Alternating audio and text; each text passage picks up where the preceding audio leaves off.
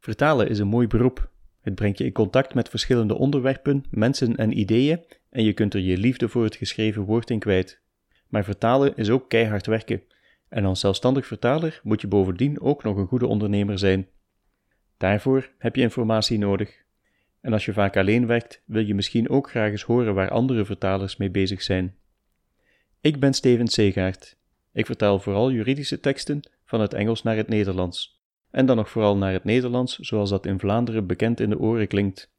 Ik schrijf blogberichten over vertalen, ik maak af en toe een video en nu wil ik dus ook een podcast maken. Voor vertalers en door vertalers. Gewoon omdat een fijn gesprek soms heel veel inzichten bevat en omdat ik het een fantastisch medium vind. Binnenkort ga ik van start. Je krijgt in de podcast vooral interviews te horen, al kan het zijn dat ik af en toe ook vooral tegen mezelf praat. Ik verzamel er tips en informatie voor zelfstandige vertalers. Onderwerpen dus waar ik zelf ook graag meer over wil weten.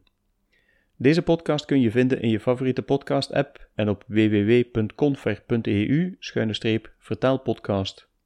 Confer is de naam van mijn vertaalbedrijf en daar lees je ook meer over de andere dingen die ik doe.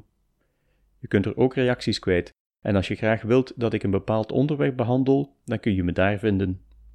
De eerste echte aflevering is binnenkort klaar. Als je dus meer wilt weten, hou dan de pagina www.confer.eu-vertaalpodcast in de gaten.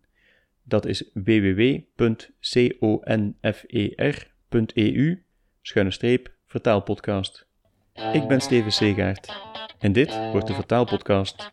Welkom bij de Vertaalpodcast. Internetradio met tips en informatie voor ondernemende vertalers.